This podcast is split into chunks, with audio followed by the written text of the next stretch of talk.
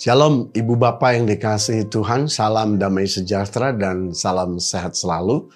Ketemu lagi di Pastor Meset pada pagi hari ini. Ibu Bapak ada satu hukum kehidupan yang uh, dimiliki oleh setiap manusia, yaitu yang namanya hak dan kewajiban. Kita tahu bahwa di dalam kehidupan manusia, orang lebih banyak menuntut hak daripada kewajibannya. Contoh ada seorang karyawan yang pada saat dia eh, menerima gajian, dia komplain sama pemimpinnya karena dia merasa kenapa gajinya dipotong. Padahal dia merasa bahwa dia kerja terus tanpa libur dan lain sebagainya. Kemudian setelah diadakan pemeriksaan ke bagian departemen personalia, ada hal-hal yang ditemukan sehingga dia dijelaskan bahwa ada satu hari dia datang ke tempat dia bekerja, dan dia hanya ada di tempat bekerja itu cuma setengah jam setelah itu dia permisi karena ada keperluan. Dan kita tahu bahwa di perusahaan ada batas minimal kalau orang izin berarti dianggap tidak masuk kerja. Yang kedua juga dijelaskan bahwa ada beberapa hari dia tidak masuk kerja karena sakit. Dia merasa dengan melaporkan sakit maka dia juga tidak akan mengalami pemotongan. Ternyata salah yang tidak dipotong itu kalau dia memberi data-data keterangan dari dokter yaitu keterangan sakit. Sementara dari tiga hari dia izin sakit hanya satu keterangan dokter yang dia berikan ke personalia. Jadi dua hari itu dia akan mengalami pemotongan.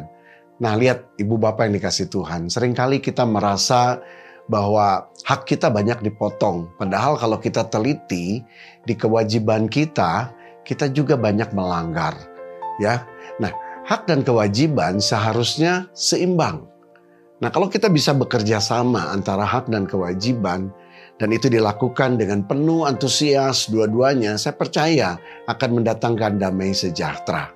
Ya, nah sekarang pertanyaannya bagaimana hubungan kita juga dengan Tuhan?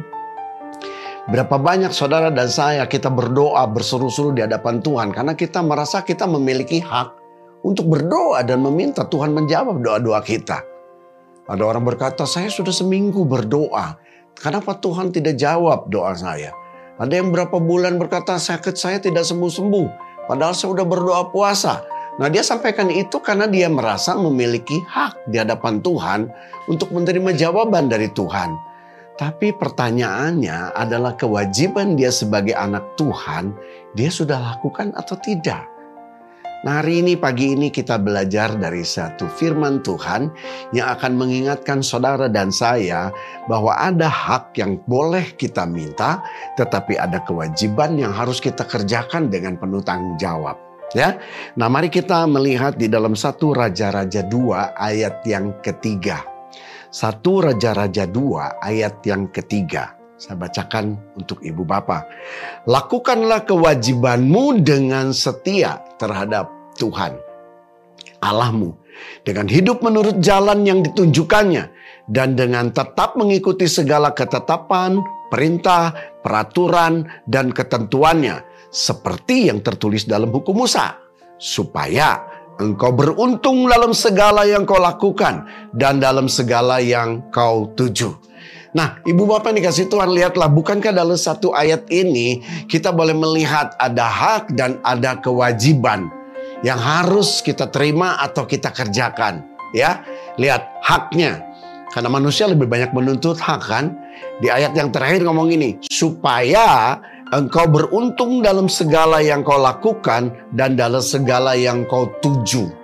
Jadi banyak dari kita menginginkan hidup kita beruntung, pekerjaan kita sukses, bisnis kita berhasil, pendidikan anak-anak kita selesai dengan baik, semua yang baik-baik kita minta di hadapan Tuhan sebagai sesuatu yang rasanya adalah hak kita. Tapi mari kita belajar lihat di dalam eh, ayat ini sebelumnya. Satu Raja-Raja 2 ayat 3 berkata gini, Lakukanlah kewajibanmu dengan setia terhadap Tuhan Allahmu. Itu dulu. Ya, kalau kita mengerjakan tugas dan tanggung jawab kita dengan baik dan benar, kewajiban kita kita lakukan, maka yang tadi kita akan terima keberhasilan, kesuksesan, dan lain sebagainya. Nah mari kita lihat kewajiban kita ya. Allah menuntun kita lewat kebenaran firman Tuhan ini. Satu, hidup menurut jalan yang ditunjukkannya. Bukankah Alkitab berkata, manusia mereka-reka jalan, tapi Tuhan yang menentukan arahnya. Keberhasilan hanya ada di dalam rencana Tuhan. Amin. Jangan kita mereka-reka jalan kita. Hanya jalan Tuhan yang akan membuat kita berhasil dan memiliki damai sejahtera. Kemudian yang kedua, dan tetap mengikuti segala ketetapan. Artinya, tidak keluar dari tracknya Tuhan. Tetap ada di dalam rencana Tuhan. Apa pun prosesnya, apa pun masalahnya, tidak membuat kita keluar ya dari rencana Tuhan, dari jalan dan dari tracknya Tuhan. Tapi kita terus stay mengikuti Tuhan. Yang kedua dikatakan ikuti juga perintah, peraturan dan ketentuannya. Ikuti perintah apa? Peraturan apa? Firman Tuhan. Kalau kita mau mengerti aturan-aturan main Tuhan, mau tidak mau baca Alkitab, baca firman Tuhan. Sehingga Alkitab ini akan menjadi penuntun supaya kita tidak salah. Lewat firman Tuhan kita akan dikuatkan, dimampukan.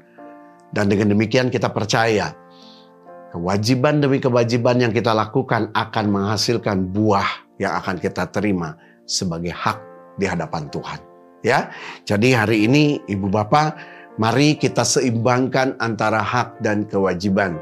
Jangan lebih dahulu mengejar hak karena saudara ketika mengerjakan kewajiban dengan baik, dengan sempurna, dengan penuh tanggung jawab. Saya percaya Tuhan akan bukakan jalan di dalam berbagai hal di dalam hidupmu sebagai hak yang harus saudara terima. Termasuk di dalam keselamatan. Karena kita tahu bahwa rencana Tuhan itu pasti baik di dalam hidup kita. Ya, Saya mau tutup dengan Titus 3 ayat 7. Lihat maksud Tuhan tentang hal ini. Supaya kita sebagai orang yang dibenarkan oleh kasih karunia-Nya berhak menerima hidup yang kekal sesuai dengan pengharapan kita. Lihat, ada hal yang akan kita dapatkan sebagai kata tadi, berhak kita dapatkan, yaitu apa? Hidup yang kekal. Jadi mulai hari ini, mari kita lebih fokus kepada kewajiban kita, setia, taat ikut Tuhan, ikuti aturan main Tuhan. Jangan melanggar firman Tuhan.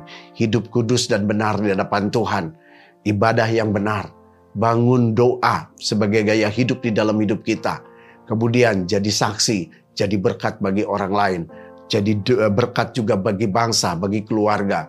Dan tetaplah setia mengikut Tuhan. Dan saya percaya kewajiban-kewajiban ini yang akan kita kerjakan terus setiap hari akan menghasilkan berkat yang gilang gemilang di hadapan Tuhan.